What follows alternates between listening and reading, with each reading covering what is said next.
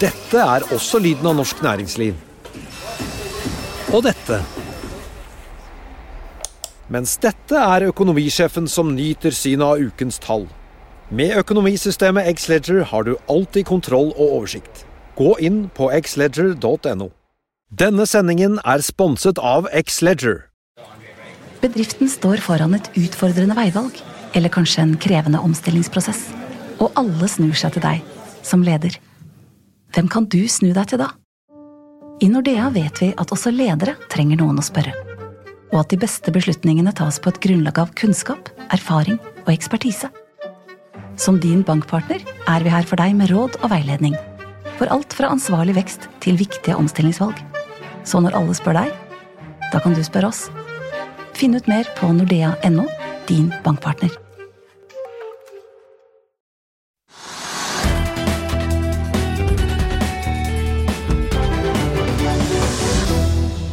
Velkommen til Økonominyhetene på denne tirsdag 20.9, som i stor grad er viet til Telenors kapitalmarkedsdag. Vi får besøk av finansdirektør Tone H. Straks. Og vi hører også fra Asia-sjef Jørgen Rostrup. DNB Markets telekomanalytiker er også med oss mot slutten av sendingen. Frank Maae sitter standby, som det så fint heter. La oss ta en titt på markedet først. Hovedeksen er ned en halv prosent. Vi var jo ned 3,5% på det meste i går. Endte imidlertid ned 0,7 i dag, det som da ble den femte dagen med fall på rad. I dag så, så vi først en litt mer positiv start, men vi har mistet litt fart. Nordsjøen ligger på 92,50, opp en snau halv prosent den også. Og ser vi på Futures på Wall Street, så peker de mot en nedgang der, da, etter den oppgangen vi så i går. Det store alle går og venter på, er jo selvfølgelig da rentebeslutningen i Washington, som kommer i morgen kveld norsk tid. Rundt oss på kontinentet i Europa så peker det nå ned jevnt over på de store indeksene. Vår Energi, og oljeselskapet, er ned en 0,8% etter gårsdagens kraftige fall på 5,6% på nyheten om altså en ny sprekk og forsinkelse i Valderex-prosjektet. og Både Sparebank1 Markets, Pareto og JP Morgan har i dag kuttet i sine kursmål. Dette er jo da rentemøtenes store uke. Vi får Norges Banks rentebeslutning på torsdag, Fed altså i morgen kveld, og så kommer jo også Bank of England og Sveits. Men allerede i dag så klinket den svenske riksbanken til med det som er en rekordheving på hele ett fullt prosentpoeng. Dermed har svenskene gått fra null til 1,75 på bare et halvt år. Og selv om Riksbanken forventer at Sverige neste år havner i en ganske solid resesjon, så varsler de enda flere rentehevinger det neste halvåret i hvert fall.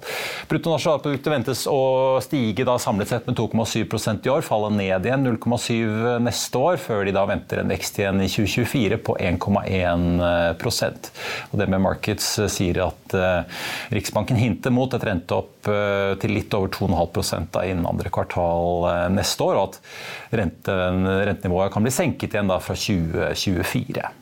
La oss i Finansavisen hjelpe deg med å holde deg oppdatert på alt som skjer i finans og næringsliv. Hver morgen er jeg, Marius Lorentzen, og aksjekommentator Karl Johan Molnes på plass i studio for å ta tempen på dagens marked i Børsmorgen.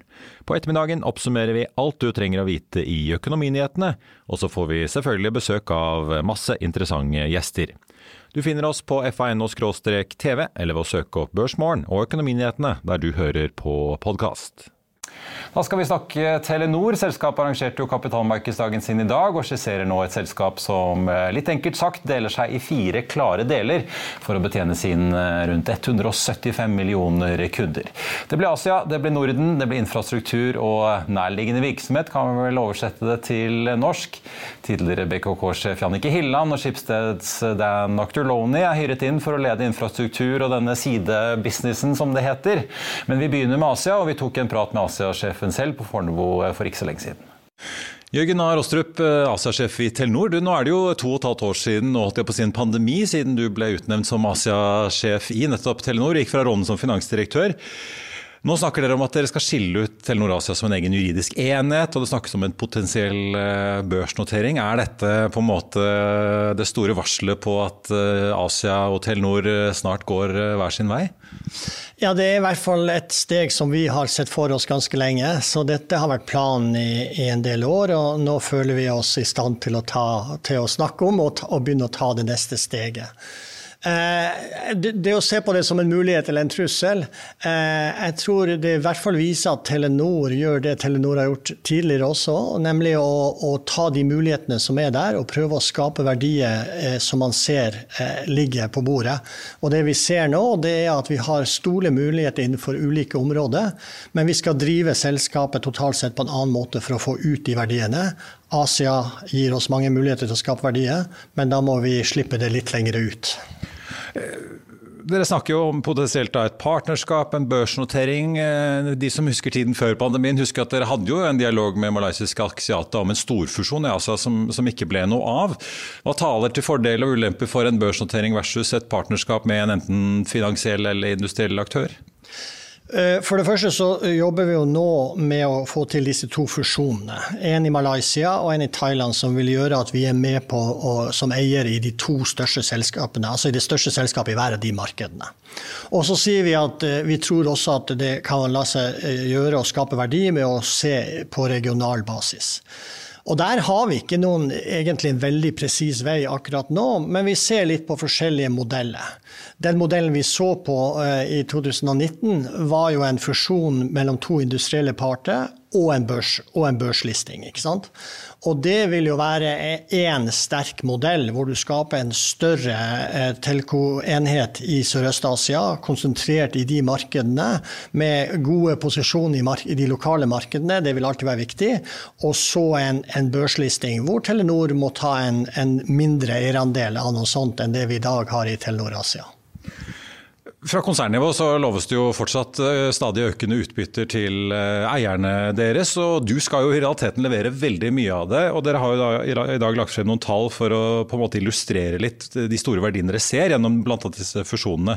Og Dere snakker jo om da en nåverdi på disse synergiene for Telenors del på, på mellom 20 og 25 milliarder.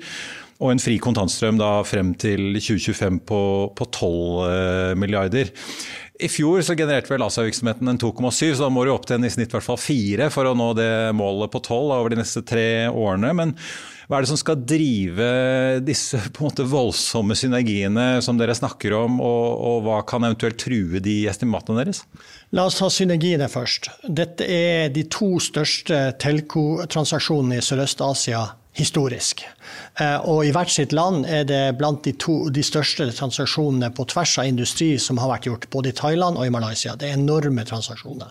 Der er det, som du sier, eh, vår andel av de verdiene vi skaper med å slå sammen dette i størrelsesorden 20-25 milliarder. Vi har regna masse på det, så det er ikke det som kommer til å gå feil at vi ikke har regna eh, og stått på. Det er jo selvfølgelig i, i å, å, utføre det vi har satt oss som mål. Det er å få slått sammen nettverkene, det er å få slått sammen organisasjonene, det er å få kjøpt inn på en annen prisbok med større markedsmakt osv. Det er det som gjør det. Og det er jo det vi planlegger nå og skal gjøre fremover. Og så er det å bygge en kontantstrøm for Telenor eh, Asia, eh, som eh, gjenspeiler dette over tid. Så vi skal tjene mer penger i Asia fremover de neste årene. Ikke til neste år, men så skal vi tjene mer penger som en følge av disse grepene vi gjør nå. Dere snakker også om at eh, dere ønsker å redusere risikoen. Vi så jo i sommer dere skrev ned virksomheten i Pakistan med 2,5 milliarder, eh, både pga. en dom, men også pga. makroøkonomiske forhold. Er det en generell, mer usikker fremtid i Asia som gjør at dere snakker om risiko her nå, eller er det andre ting? Nei, Det, det er nok starte med det generelle bildet. Eh, vi har sett de siste årene at, at forholdet mellom vekst, altså return on capital, og, og risiko har, har endra seg. Det er altså blitt vanskeligere å, å vise på inntektslinja en, en, sterk vekst for hvert år, fordi at disse markedene begynner å bli modne. Alle, alle har mobiltelefon. Eh, og samtidig så er risikobildet eh, blitt forverret. Det er mer geopolitisk risiko, det være seg regulatorisk, eh, kostnader rundt Spektrum, politisk og annen type risiko har økt. Og i sum så, så gir ikke dette det samme svaret for Telenor som det gjorde historisk. Er det derfor dere da kanskje bør børsnotere dette sånn at aksjonærene deres kan velge om de vil være i Asia eller ikke i fremtiden? Ja, det er mindre viktig sannsynligvis frem, fremover for en, en, europeisk eller amerikansk basert investor i Telenor at vi har en asiatisk del, for den gir ikke det vekstsvaret som den historisk har gitt. Så hva som var riktig, er ikke nødvendigvis riktig fremover. Samtidig så har vi jo da et av de best drevne telkoselskapene i Asia. Vi, vi er sterke på operation, og sånn sett så er dette attraktive selskaper satt i en riktig kontekst. Til slutt må jeg spørre litt om utsiktene for denne Asia-virksomheten. En ting er fusjoner, store besparelser. og Dere snakker jo også om at dere har noen lommer av vekst her med å selge opp eh, folk fra vanlig mobil til smartmobil. Og det er også deler av befolkningen som ikke har mobil, selv om det blir færre av dem. Men eh, kan det bli noe vekst i form av at dere går inn i nye land, eller er det helt uaktuelt? Nei, vi, vi, bruker ikke mye tid akkurat nå. Vi har et tett program, så vi bruker ikke mye tid akkurat nå på å lete etter nye markeder. Vi konsentrerer oss om å styrke posisjonen uh, de, i de markedene vi, vi, har. Og etter fusjonene så vil vi ha tre nummer én-posisjoner i, i, våre markeder i Asia. Og så bruker vi resten av kreftene på en mer granulær vekst innenfor de eh, selskapene som vi har. Og det er som du sier, det er både flere på mobiltelefon, det er mer data, og det er også services på toppen av av, av den vanlige konnektiviteten. Så det, det, er mer enn nok å gjøre, men vi ser ikke veldig aktivt etter nye markeder akkurat nå. Da har jeg fått med meg finansdirektør Tone Bakke i eh, Telenor. Tone, velkommen og takk for at du er med oss. Jeg tenkte jeg skulle begynne med ikke bare fremtidsplanene, men det dere også skriver om dagens situasjon i uh, Telenor. For dere, I sommer så tok dere jo litt ned forventningen på EBTA i år. Uh, før hadde dere en åpning om at det kanskje ble litt oppgang i år. Det tok dere vekk i sommer, og nå sier dere at det blir vanskelig å nå uh, drifts, samme driftsresultat som i fjor. altså, Rett og slett pga. høye energipriser. Du skisserte jo på podiet i dag en regning som i andre halvår kanskje øker med 1 milliard. Ja. ja. Vi, ser, vi, som veldig mange andre, ser en betydelig økning i energikostnader. Det drives jo veldig mye i Norge, men det er også i andre land hvor vi opplever økninger nå som er langt utover det vi hadde sett for oss på begynnelsen av året, men også når vi sto der på andre kvartal og, og snakket om hva vi så for året da. Ja, for Det virker som en ganske betydelig økning om å gå liksom opp 1 milliard til 2,5 på så kort tid? Ja, og du, du, så jo også den eh, kurven vi viste med, med energiprisene. Jeg tror vi alle har Det går rett i taket, ja. ja. Vi har vel alle opplevd det samme, og, og vi opplever jo det også i, eh, i Telenor. Men altså, Skal vi lese dette som et resultatvarsel fra dere, eller mer enn på en måte en heads up? Altså, for Du sto jo på podiet i dag og snakker om at dere også ser litt forsinkelser og inflasjon på komponenter. Du snakker om at det er veldig volatile valutaer, som eh, du jo selvfølgelig kjenner godt til. Du var jo leder av Treasury i Telenor eh, før. Er det et resultatvarsel i klassisk forstand? Nei, det er, det er en, eh, en, melding om at vi, vi, ser stadig større volatilitet innenfor ulike områder. Og så bruker vi energi til å eksemplifisere. Det er jo den som er den mest ekstreme. Mm. Men vi ser jo hvordan vi også blir, eh, må manøvrere i en del eh, makroøkonomiske eh, usikkerheter fremover på en annen måte enn vi har sett tidligere. Eh, vi hørte fra Jørgen her litt om eh, hvordan han ser for seg å levere disse synergiene, som jo er viktig inntil inn til dere på konsernnivå for å realisere alle disse verdiene som dere har, tross alt sitter på i Asia. Men dere skal jo også levere både økt omsetning og ikke minst bedre marginer her i Norden. Hvor trygge er dere på det en verden der hvor vi ser at inflasjonen er veldig høy?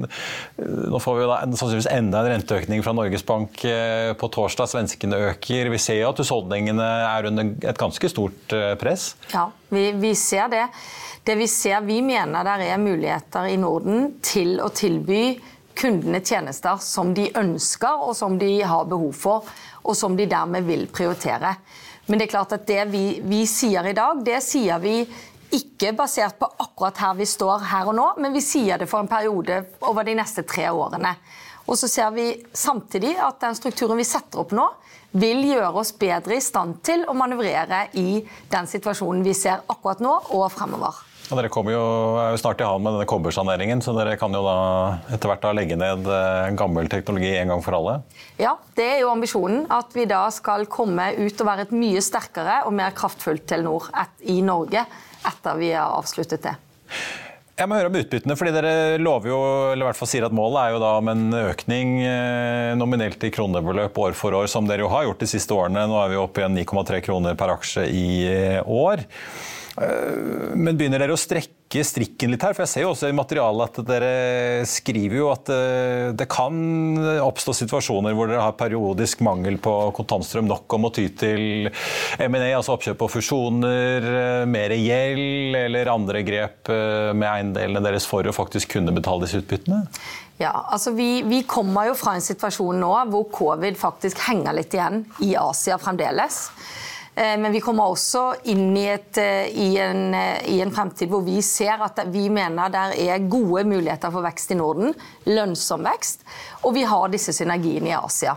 Sånn at vi ser at vi gjennom denne perioden vi har foran oss, vil øke kontantstrømmen år for år. Og at ambisjonen da er at i 2025 så skal vi ha dekket utbytte med den organiske cashflowen. Og så kan det da være, hvis er, er, vi ser f.eks. i 2023 når disse transaksjonene planlegges og closes. Ja, fusjonen med Asia, altså? Ja. ja. Da vil vi dekonsolidere disse eiendelene. Da vil det være en periode hvor vi setter oss opp for å realisere synergier, og da vil vi være litt lavere på kontantstrøm. Det som er det viktige for oss, er at vi ser at fra 2025 så vil det være en bærekraftig utbyttepolitikk fremover. For da er vi på på vei til opp med å realisere synergier. Vi har et slagkraftig Norden, og dette vil gjøre oss i stand til å eh, betjene utbytte med organisk cashflow. Og Derfor velger vi å være tydelige på hva vi ser, for å gi forutsigbarhet de nærmeste årene. Men Er det spesielt viktig med dette utbyttemålet i en verden hvor jo Telekom ikke lenger er en sånn vekstbransje som har masse entusiasme i markedet, og jo vi ser at aksjekursen Telenor har jo slitt en del den siste tiden, selv om dere over tid har levert god avkastning? Altså vi, det er viktig for oss å være forutsigbar. Det er viktig for oss å kunne være tydelige på hva vi kommer til å levere på. Både av operasjonelle resultater og eh, avkastning til aksjonærene. Så er det klart at det vi ser nå, eh, og det vi presenterer i dag, er en sånn som vi mener det, en balansert eh, kapitalallokering fremover. Hvor vi både skal investere i vekst, vi skal fortsette, vi skal investere i infrastruktur, og vi skal gi avkastning til aksjonærene. I perioder så kan det være det må være transaksjoner eller andre ting som må dekke opp for et sånn organisk eh, cashflow-gap i forhold til dividenden. Men dere skal fortsatt holde dere på en gjeldsgrad på 1,8 til 2,3? Ja, det sier vi er den samme policyen vi har hatt. Og så sier vi at dersom vi går utenfor i noen perioder, så vil vi ha en ambisjon om, vi, om å komme innenfor igjen. Blir det midlertidig avvik?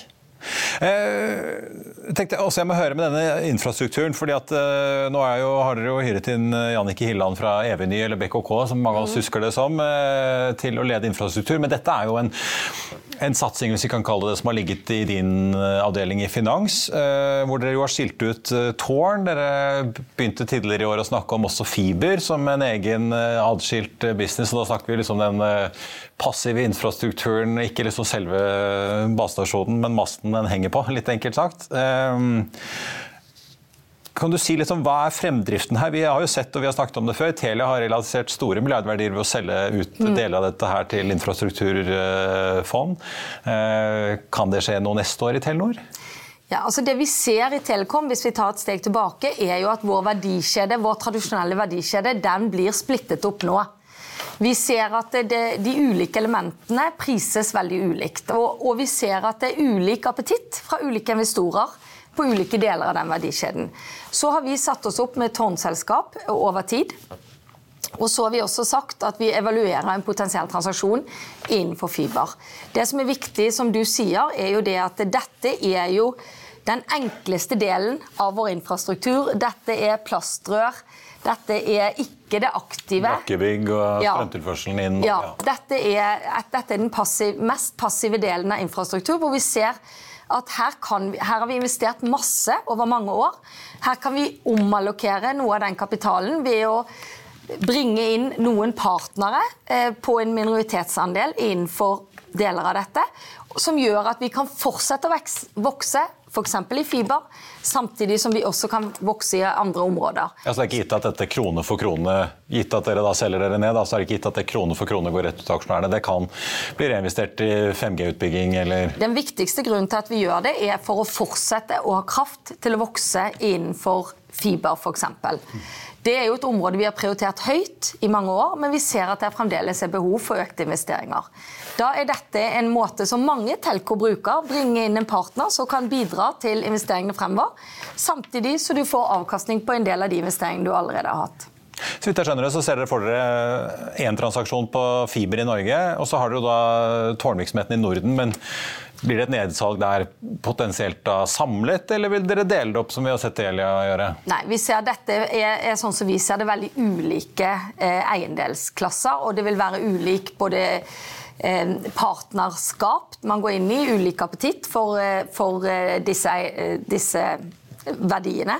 Sånn at vi ser for oss at dette er ulike transaksjoner. Det vi sa i dag, er at vi tror kanskje vi, vi evaluerer denne, en potensiell transaksjon i fiber, og vi tror det kommer potensielt tidligere enn tårn. Ja. Men det kan bli tårn Norge, tårn Sverige hver for seg? Det må vi se på nedover veien. Ja. Dette er en del av det vi ser på. Men tidsplanen her, da, når du sier at fiber kan skje før, kan vi regne med noe allerede i år, kanskje, eller er det litt tidlig? Jeg tror ikke jeg skal forplikte meg til noe tidslinje, men, eh, men dette er noe vi evaluerer løpende nå. For ikke så lenge siden så var jo eh, Ice sin nye eier Altibox uh, ute og snakket om at de vil jo mer enn doble antall basestasjoner som uh, Ice har i Norge. Jeg vet jo dere i Telenor Infra er opptatt av å øke antall, andelen leietagere. Endre den store investeringsplanen til Altibox gamer litt, og potensialet for, å, for leieinntekter er at de samlokaliserer seg med Telenor? Ja, vi, vi, vil jo som et infrastrukturselskap vurdere de mulighetene vi ser i markedet til enhver tid. Eh, og vi vil ha en ambisjon om å få både tradisjonelle te telekomselskaper inn på vår infrastruktur, og nye selskaper også, som vi mener kan være aktuelle her. Sånn at vi har en ambisjon om å øke inntektene i Telenor Infra, når vi da ser på Norge. Eh, til slutt, Dere har jo da fiber, eh, tårn, men dere snakket også om datasentre. Er det på, på en potensielt egen eh, jeg vet ikke om kalle det spin-off, men en egen divisjon som kan bli skilt ut her? Ja, Datasenter er der vi, vi gjør nå en evaluering strategisk. Om dette er en om dette er noe vi skal fortsette å investere i alene på 100% basis, eller om vi skal se om dette er noe vi også bør se, gjøre i partnerskap med andre. Så det vil være en eh, vurdering nå fremover. Det er det området vi er kommet kortest på, men vi ser at det er også naturlig å ha fokus nå på i en infrastruktursetting.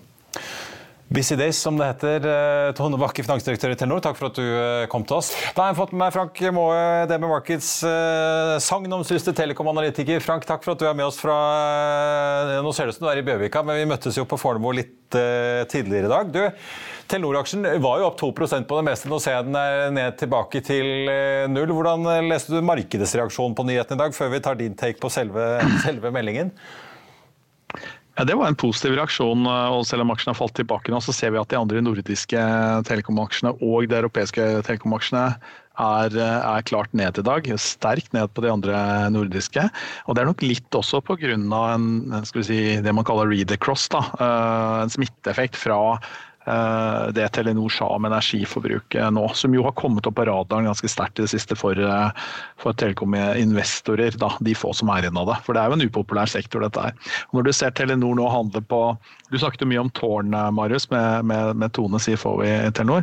Men det er klart utbytteavkastningen, ikke sant? og det om utbytte holder her, det er jo det som har vært i stor grad i fokus. Fordi, fordi når du har 9% direkteavkastning på et selskap som er så stort som Telenor, uh, som går i retning av 10 så, så tyder det på at rett og slett markedet tror at de må kutte utbytte. Så det som var vesentlig for uh, Og det, det, var det som var uh, liksom store bettet til mange, tror jeg i dag, særlig i utlandet, det var jo at nå kommer det et kutt. Spørsmålet er jo ikke om det kommer, det er hvor stort kutt i utbyttet blir. Og så kom det jo ikke noe kutt i dag.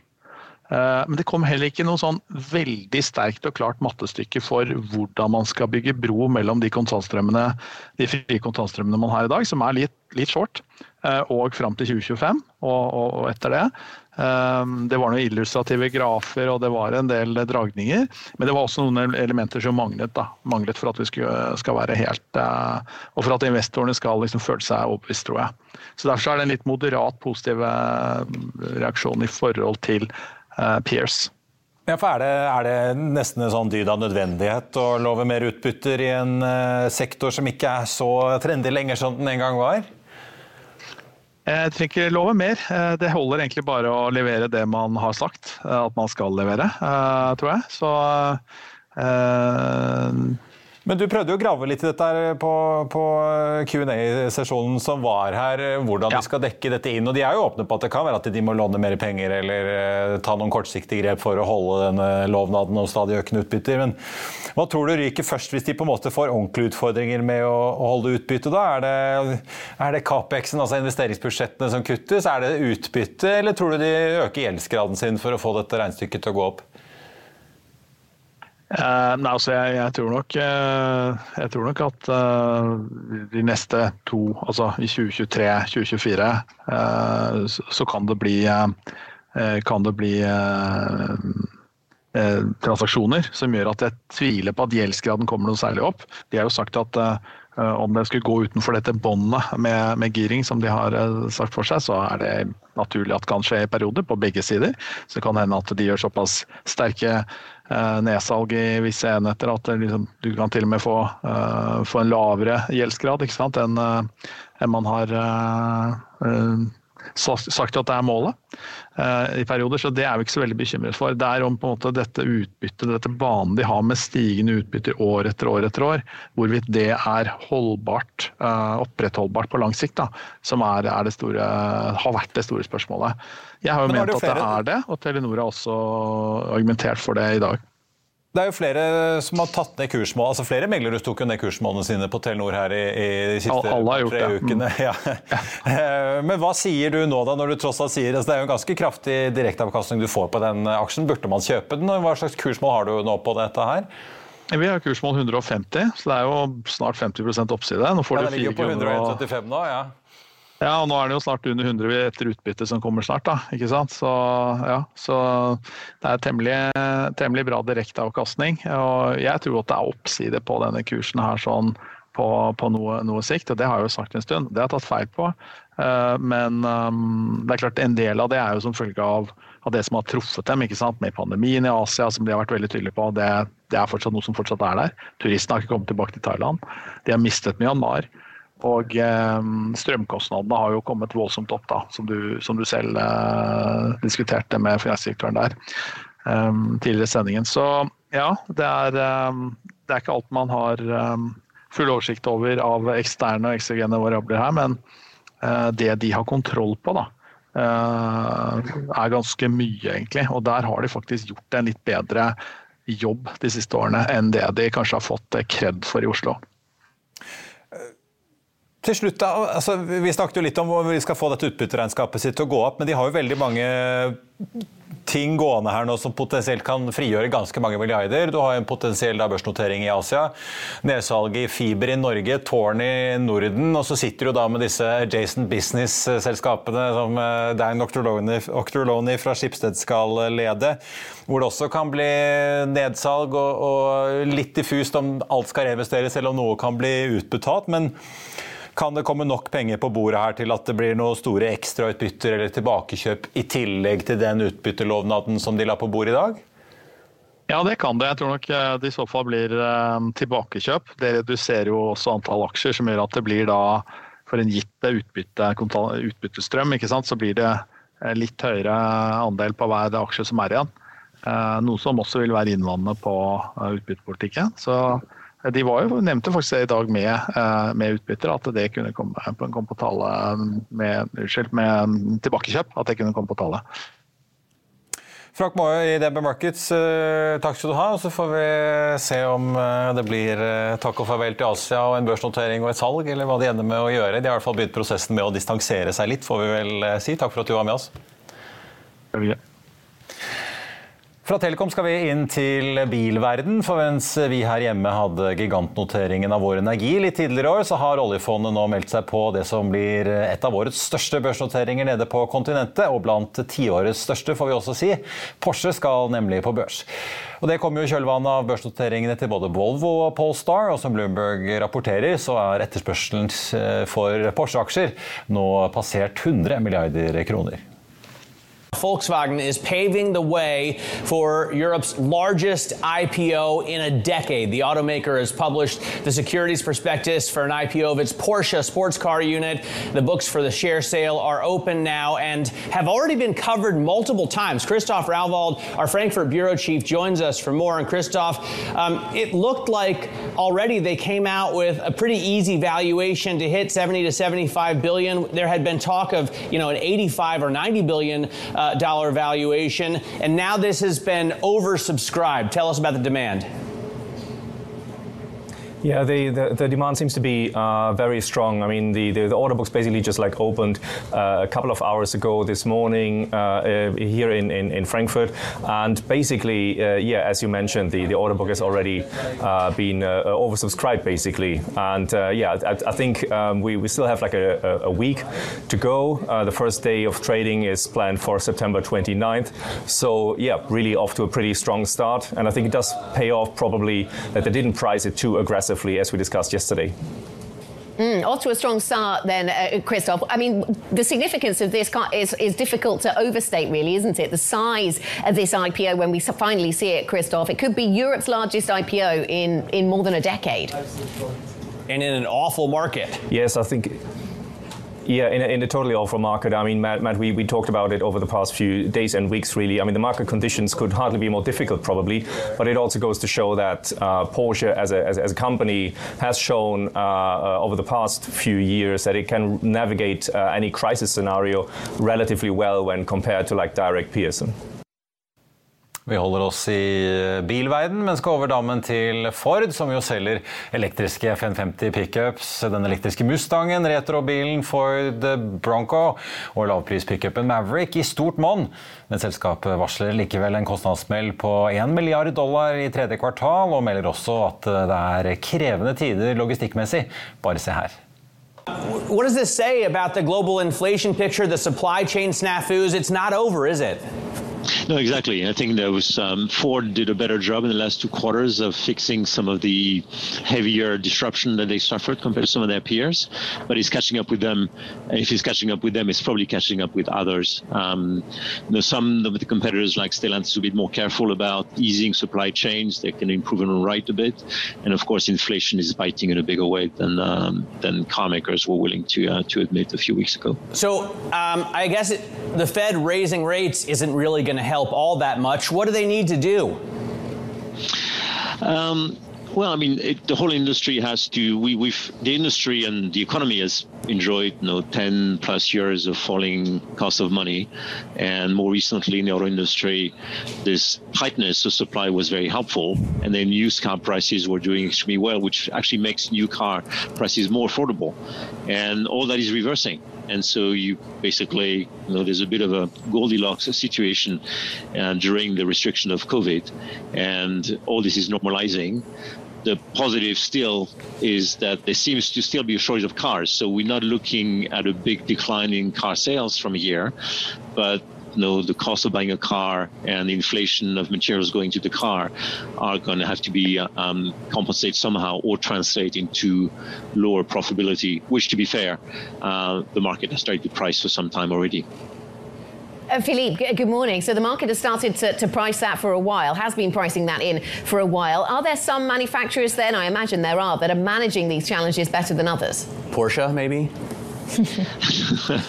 yes, no, whoever has more pricing power. So, no, Ferrari, Porsche, those businesses have a bigger backlog of vehicles. Also, in some cases, no, my understanding when you buy a Ferrari and the delivery is going to be 12 months later, well, the price is not completely set. The price needs to be adjusted as you get closer to the delivery. So those car makers have ways of um, of adjusting that maybe more volume car makers do not. And then if inventories do come back at dealer levels, then dealers will set more of the price than what we've been able to experience during COVID. And that is also going to be a, a, another variable in the pricing environment for the car makers. Tirsdag kom Clarksons analytiker Fredrik Stene med børsens mest optimistiske Borr Drilling-analyse. Han oppjusterer kursmålet fra 16 til hele 69 kroner. Den aksjen er opp litt under 5 til 41,15. Peter Christensen i Cleave Securities har pepret ut kjøpsanbefalinger på Frontline i takt med stadig høyere kurser. Mandag gjorde han imidlertid sin største økning eh, noen gang og løftet kursmålet til da 23 dollar eller 235 kroner omtrent. Den aksjen er opp 2,1 eh, til 138. Og så får vi også ta med Gram Car Carrier, en av de store vinnerne i dag. Bilfraktrederiet meldte jo i morges om en forlengelse av en charteravtale til en verdi på litt over 135 millioner dollar. Den aksjen er nå opp 14,8% til 141 kroner. Og dermed har den eh, lagt på seg over 50% de siste tre månedene. Den aksjen eh, feirer jo snart ettårsjubileum på børs. Vi får også ta med Salaries. HR-selskapet eh, melder om en kontrakt med et globalt farmasøytisk selskap som skal gå over fem år. Og den skal da dekke over 6000 ansatte i Tyskland og Sveits. Og uh, salaries eh, kan jeg sjekke her nå er ned 1,3 Tyve til Bulkers går X utbytte i dag. Husk det altså. Det er 0,06 dollar aksjen, eller altså rundt 60 øre. Den aksjen uh, endte ned 1,7% til 88 kroner da i går. Photocure melder om resultatene fra en ny studie med fjerning av svulster i poliklinisk behandling med laser versus da tradisjonell operasjon med narkose, noe som de mener er positivt. og Den aksjen er ned en prosent i dag til 85,40. 45. Og så har vi Kongsberg Automotive, da, som har vunnet en kontrakt eh, på 32,6 millioner euro eh, for moduler til girskift på ratt. Det er da innenfor denne drivetrain og chassisavdelingen. Den aksjen er opp 2,74 til 2 kroner og 40 øre. Så får vi også nevne da at oljefondet har lansert en ny klimaplan i dag, der de setter mål om at alle selskapene de er investert i, skal nå netto nullutslipp innen 2050. Ellers på Oslo Børs så tenkte jeg vi får ta med litt med disse Telekom-aksjene. Telenor var jo opp eh, på det aller meste i dag, 2,6 eh, Ligger nå så vidt over eh, null, da, til 101 kroner og 80 øre aksjen. Frank Moe i DNB Markets har altså kjøpt 150 på den samme aksjen. Ellers er det ganske surt i den sektoren i dag. Telia i Sverige ned 2,6% Tele2 i Sverige ned 3,5 mens Orange i Frankrike er ned 1,8 på hovedindeksen eh, så er vi nå ned 0,5% til 1160 poeng, på en oljepris som er eh, opp 0,8% i spotmarkedet for et fat nordsjøolje til 92 dollar og 40 cent. Den amerikanske lettoljen på 85,64. På listen over de mest omsatte aksjene ellers, i tillegg til Telenor, så finner vi Hydro som er ned 3,3 Rex Silicon som er opp 2,4 Equinor rett rundt null, Aker BP ned 0,7 og Frontline opp et par prosentpoeng. DNB tikker oppover 1,1, mens PGS ligger inne med et fall på 5,4 og Futures Futuresene på de peker fortsatt mot eh, et fall når de amerikanske børsene åpner da om en snau halvtimes tid. I Finansavisen i morgen så kan du lese Trygves leder om et pinlig hastemøte om strøm på Stortinget. Du kan lese om TGS-sjefen som sier at det er uaktuelt å øke budet på Magsize. Den budfristen løper jo ut onsdag ettermiddag. Så kan du lese om gjenbruksselskapet Tice, som trosser trenden om dårlig prising på vekstselskaper og har fått en kjempeprising på nesten en milliard kroner. Og så blir det børsintervju med Nordeas Erik Bruse. Og Det var det vi hadde for deg i dag, men husk at vi er tilbake igjen med Børsmorgen klokken 08.55 i morgen, og deretter med Økonominyhetene klokken 14.30. I mellomtiden så får du som alltid siste nytt på FA.no. Mitt navn er Marius Lorentzen. Takk for at du så eller hørte på, og så håper jeg vi ses igjen i morgen.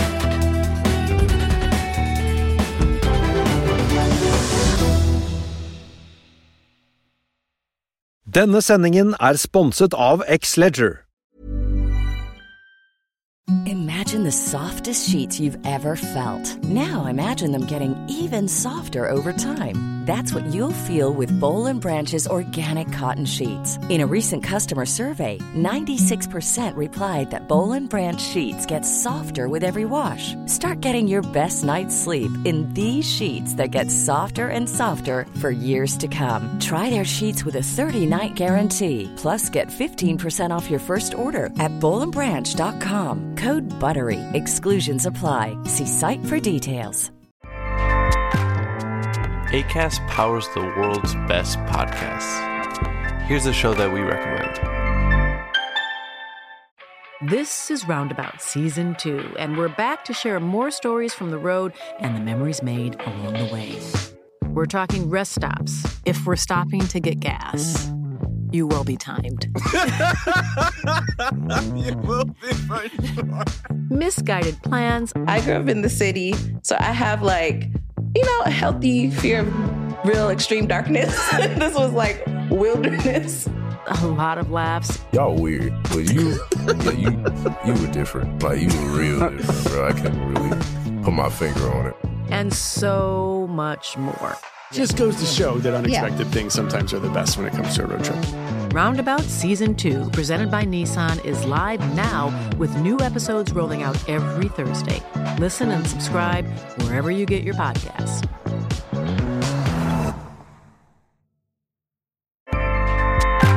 ACAST helps creators launch, grow, and monetize their podcasts everywhere. ACAST.com. Økonominyhetene er en podkast fra Finansavisen. Programledere er Marius Lorentzen, Stein Ove Haugen og Benedikte Storm Bamvik. Produsenter er Lars Brenden Skram og Bashar Johar. Og ansvarlig redaktør er Trygve Hegnar.